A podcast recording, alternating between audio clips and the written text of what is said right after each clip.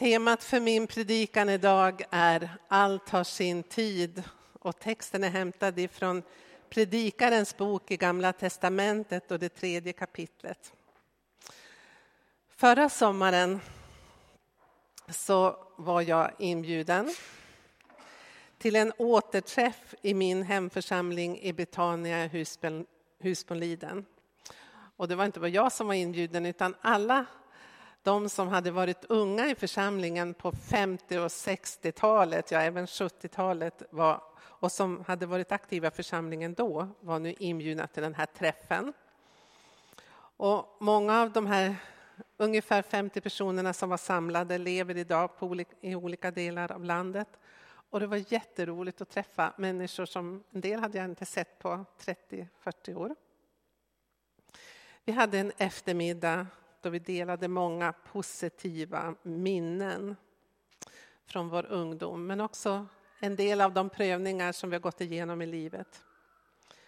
Vår träff avslutades med att en av pastorerna som var närvarande läste just denna text som jag nu ska läsa.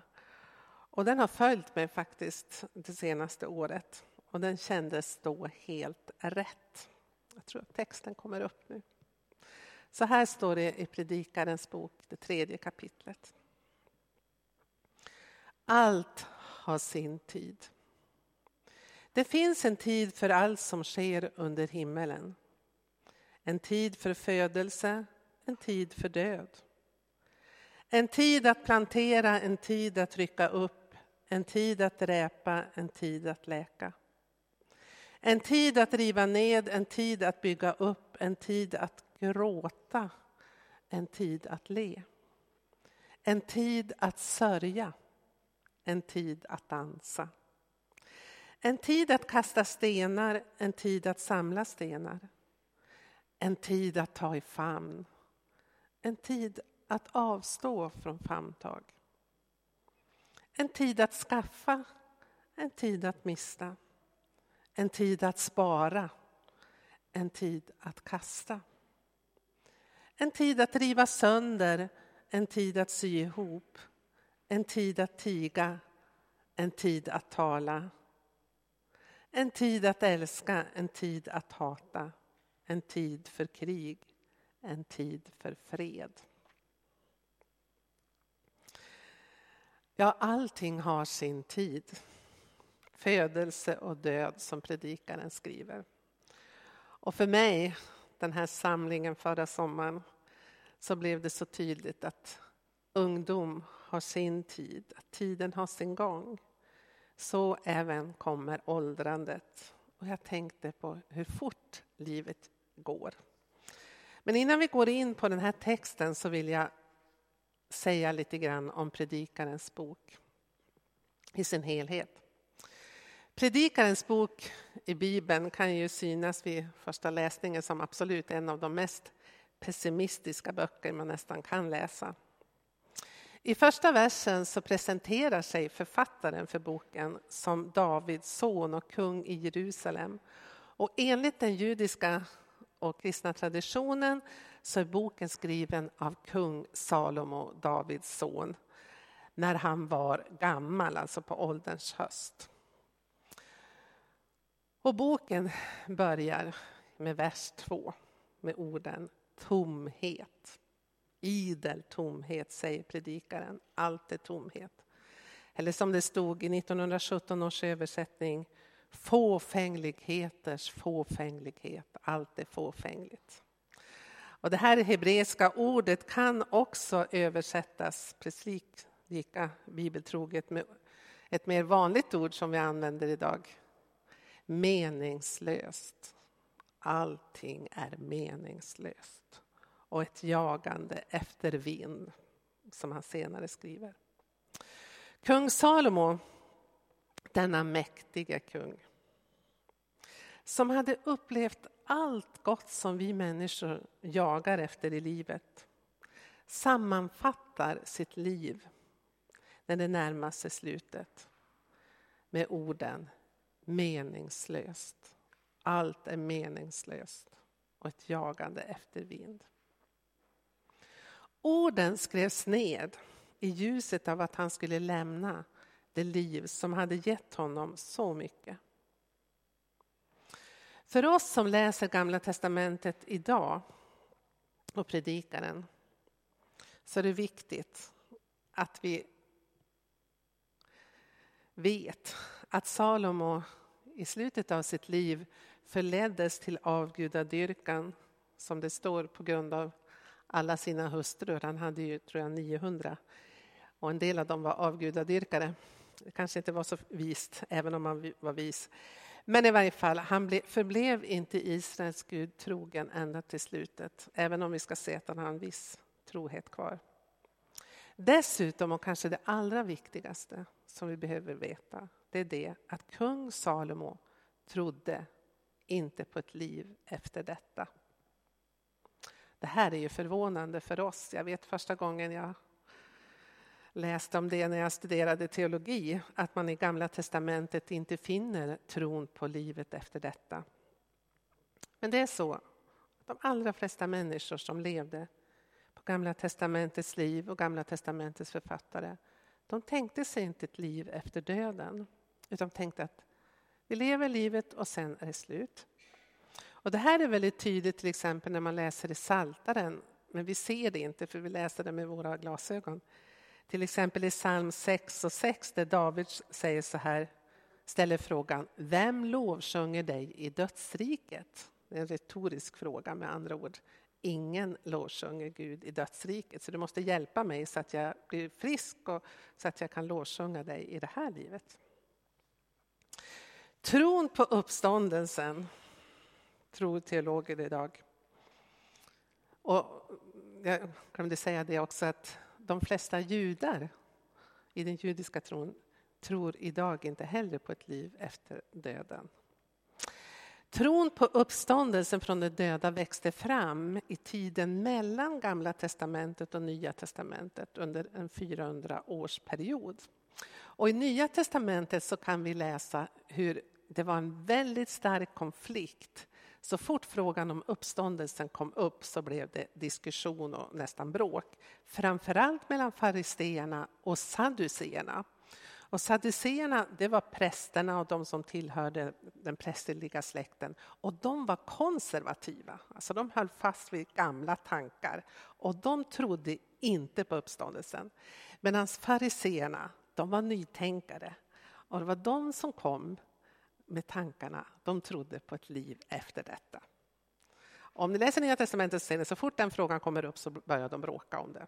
Det var en viktig, en viktig fråga.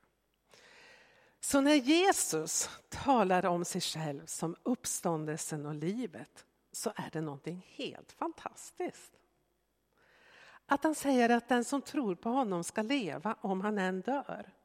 Det är ett otroligt positivt budskap. Och det kristna budskapet är ett glädjebudskap. Att döden är besegrad, att döden inte är slutet utan början på någonting nytt. Jesus besegrade döden på korset. Han uppstod. Och den som tror på Jesus Kristus kan få ta emot evigt liv.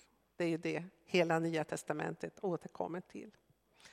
Men för kung Salomo så fanns inte denna tro på ett liv efter döden.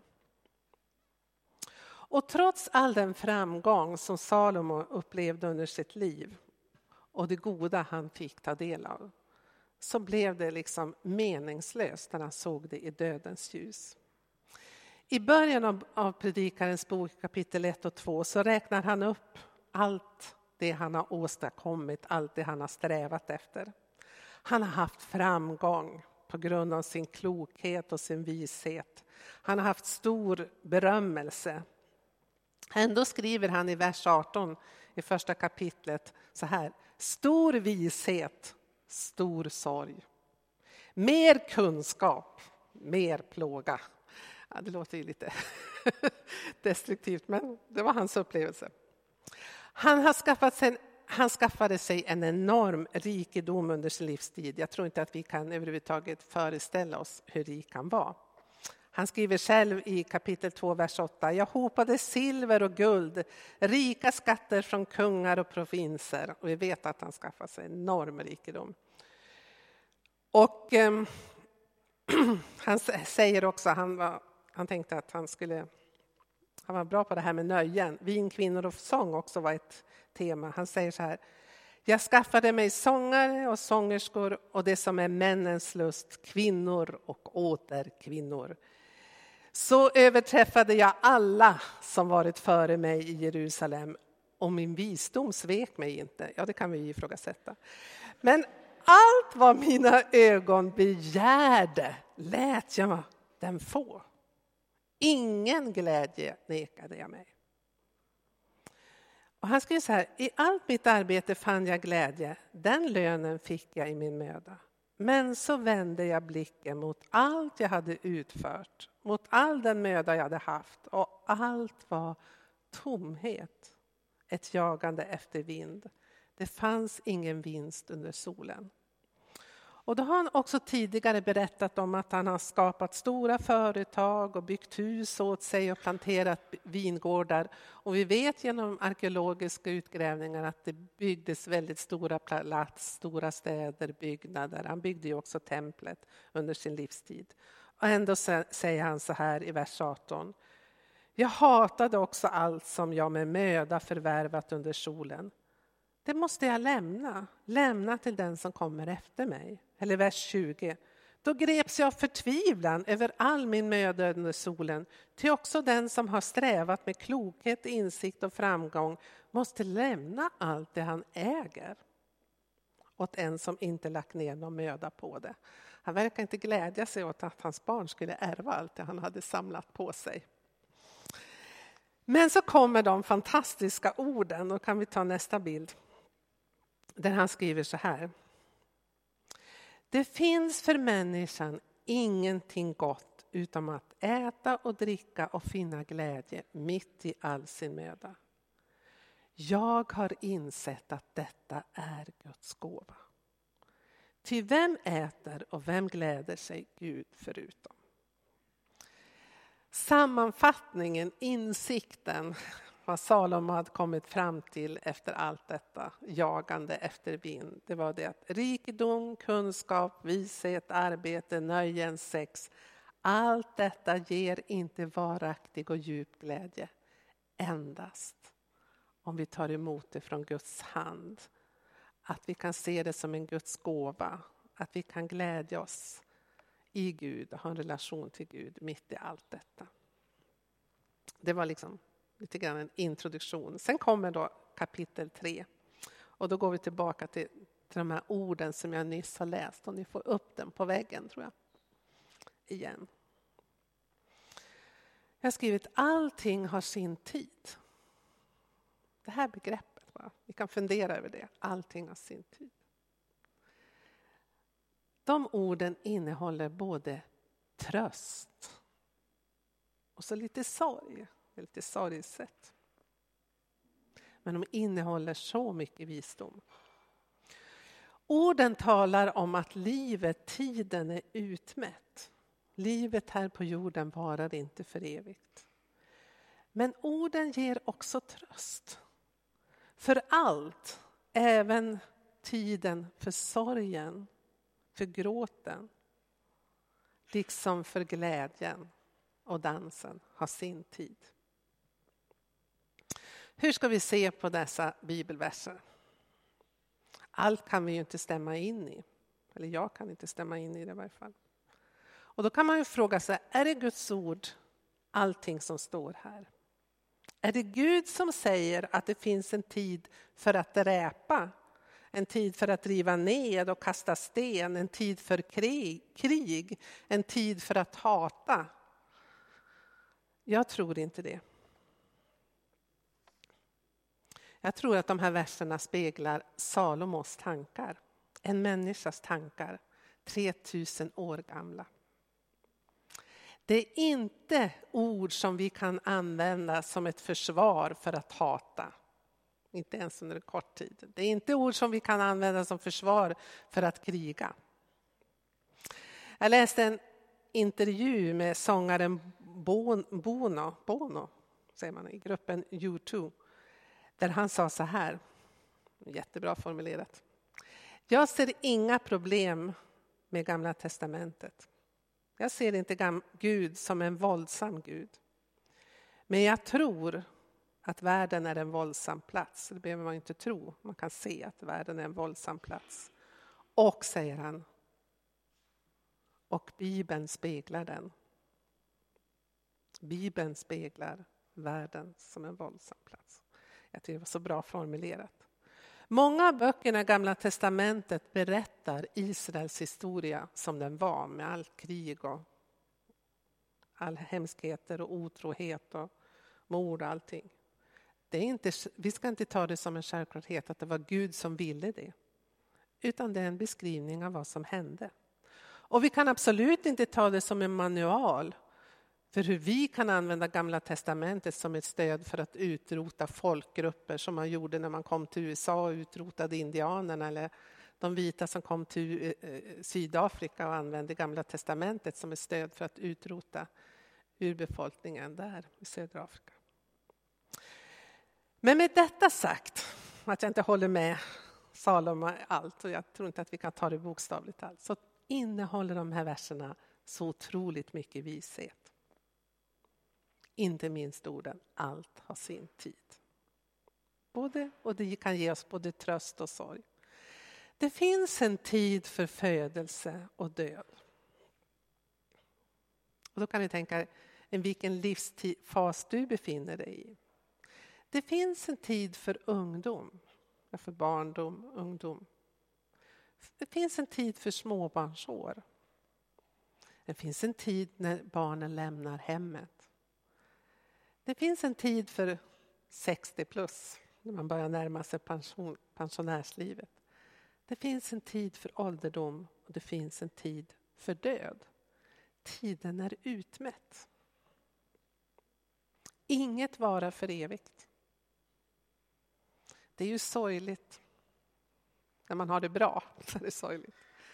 Men när man går igenom tuffa perioder i livet då kan det vara väldigt positivt och en tröst att ta till sig predikarens ord. Att allting har sin tid. Även sorgen har sin utmätta tid. Tiden är utmätt, den har sin, sitt mått. Och precis som vi hörde Mattias läsa här i början av gudstjänsten från psalm 103. Där psalmisten talar om människans dagar är som gräset, hon spirar som blomman på marken. Så sveper vinden fram och den är borta. Men evigt varar Herrens nåd. Tidens gång, livets korthet. Tröst. Allting har sin tid. Att gråta har sin tid och sörja har sin tid. När vi drabbas av stor sorg, svår sjukdom, en nära anhörigs död, kanske en skilsmässa av något slag. Så kan, när man är mitt i det så kan smärtan kännas, eller känns ofta helt outhärdlig. Och man tänker det här, det här orkar jag inte, jag kan inte klara av det. Man kanske orkar bara en enda sekund i taget, en minut i taget för att ta sig igenom smärtan. Men om vi inte flyr smärtan och sorgen utan verkligen går in i smärtan och sorgen och låter den ta sin tid, då säger all erfarenhet att smärtan och sorgen har sin tid. Att så småningom så kommer man igenom sorgen. Med detta sagt vill jag inte säga att det, det, finns smärta och sorg som man kanske bär med sig ett helt liv. En sorg efter en nära anhörig död eller att man har drabbats av en svår sjukdom. Och då handlar det mer om att, att sörja och sen lära sig leva med smärtan och sorgen. Men livet säger också att smärta, sorg och glädje sorg och dans kan gå jämsides. Det finns en tid att ta i famn och en tid att avstå från famntåg. När man får möta kärleken från en annan människa så är det verkligen en Guds gåva. Och då gäller det att njuta i nuet.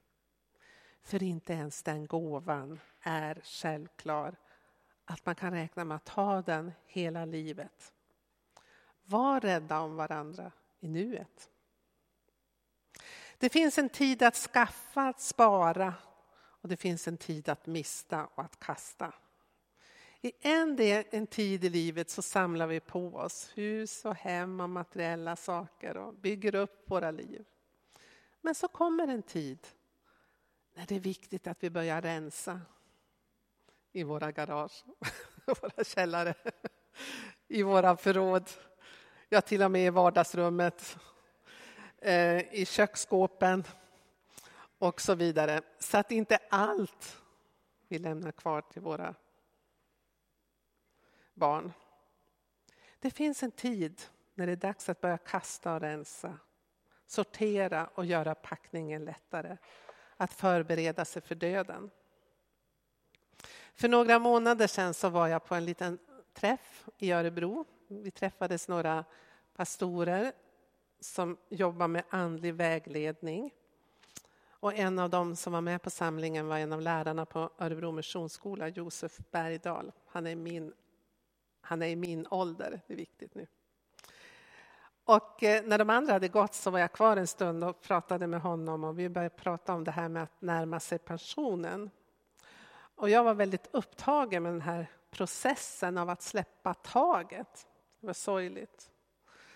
Och jag sa det, ja men det är hemskt, tänk att det är 30 år sedan jag gick ut Örebro Missionsskola. 30 års pastorsliv, vart har det tagit vägen? Det har gått så otroligt fort. Ska jag nu börja trappa ner? Är liksom mitt arbetsliv på väg att ta slut? Jag såg på det som hade varit. Då säger Josef så här till mig. Men nu Inga-Märta, nu är det tid för dig att förbereda dig för det eviga livet. Nu är det tid att förbereda sig för det eviga livet. Och när han sa det så kände jag att det här var ord direkt från Gud till mig. Att förbereda sig för döden har alltid varit de andliga fädernas fokus. Alltid det här att uppmuntra oss som kristna att tänka på evigheten, att mogna för evigheten. Men när han sa det så öppnade det sig för mig ett framtidsperspektiv. Precis som det står i en av våra psalmer i psalmboken. Min framtidsdag är ljus och lång, den räcker bortom tidens tvång. Det är ett kristet tänk. Man ska inte bara tänka på det som har varit. Man behöver inte sörja över det som har varit, utan vara glad och tacksam. Och inte ens åldrandet är så farligt, därför det bästa, som kristna är det alltid så att det bästa ligger framför oss. Det eviga livet. Jag säger det igen. För oss kristna är det alltid så att det bästa alltid ligger framför oss, oavsett. Det är inte för tidigt att börja förbereda sig för det eviga livet när man är 60 plus. Men det är inte för tidigt ens om man är 20. Hur förbereder vi oss för det eviga livet? Jag tror att det mycket handlar om att acceptera att allt har sin tid. Allt har sin tid. Men det här är inte helt lätt. För vi vill gärna hålla kvar tiden. Och man vill ju inte bli gammal. Man vill vara ung och fräsch. Och man, vill, ja, man vill ju visserligen att barnen ska växa upp och samtidigt så skulle man vilja hålla kvar dem. Det är så mysigt när de är bebisar, ni vet. Ja, jag har ju babysånger på torsdagar och man, det är så mysigt. Fast det är mysigt också att se dem växa. Ja. Men det är viktigt att se att allting har sin tid och att vi kan be Gud om hjälp att acceptera det. För det andra så tror jag det är otroligt viktigt att vi inte håller fast vid saker utan att vi är beredda att kasta, sortera. Det handlar också om att inte hålla fast i våra uppgifter och arbeten och människor utan att våga släppa taget. Jag kanske har sagt det men jag brukar citera min pappa och en sak som han hela min uppväxt sa, det var de här orden. Man ska inte tro att man är oersättlig. Och han sa det utifrån att han tyckte att människor som gick i pension och trodde att arbetsplatsen skulle rasa ihop, de var dårar i hans ögon. Så vi fick höra hela vår eh, barndom och hela vår uppväxt att man ska inte tro att man är oersättlig och det är helt sant. Det är lite grann en viktig inställning till livet. Ta vara på nuet. Kom ihåg vad predikaren skriver. Att äta och njuta och finna glädje mitt i all, mitt i all vår möda. Det är en Guds gåva. En gåva vi kan få från Gud, att kunna njuta av nuet. Och vårda relationen till Jesus Kristus, han som säger att han är uppståndelsen och livet, han som har besegrat döden.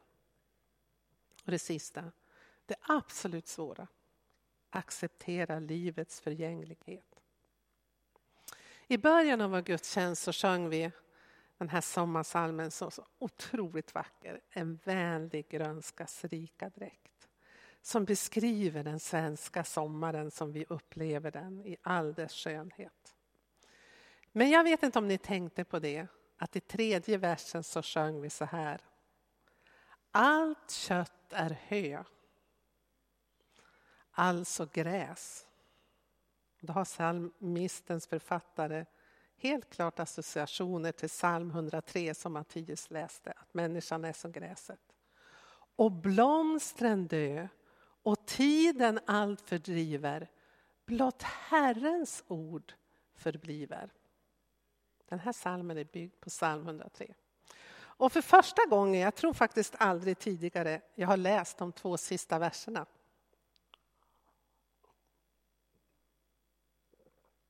Den här sommarsalmen ställer sommarens skönhet, nuet som vi verkligen ska ta vara på och njuta av i förhållande till livet, detta livets förgänglighet och vår förgänglighet. Vers 4. Nu får ni hjälpa mig att sjunga, för nu ska vi sjunga de här två sista verserna. Allt kött är hö, allt flyktar här och snart förvissnar gräset hos dig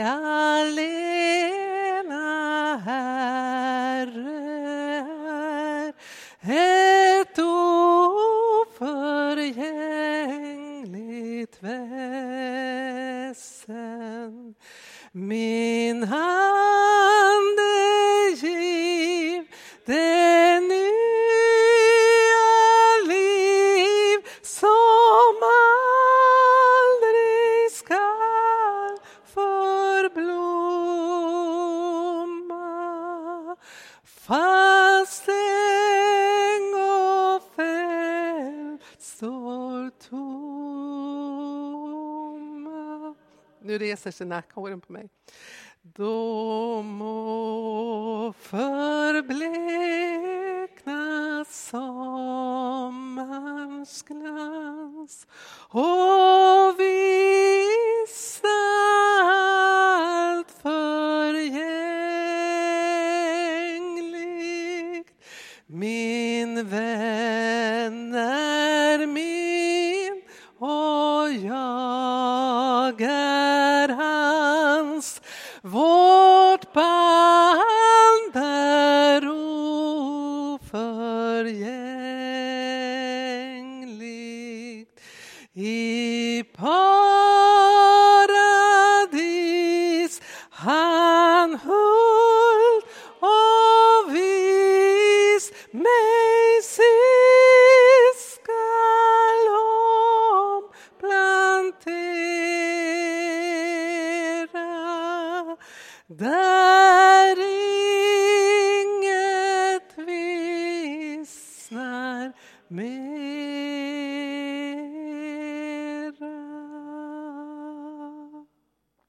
Åh, tack.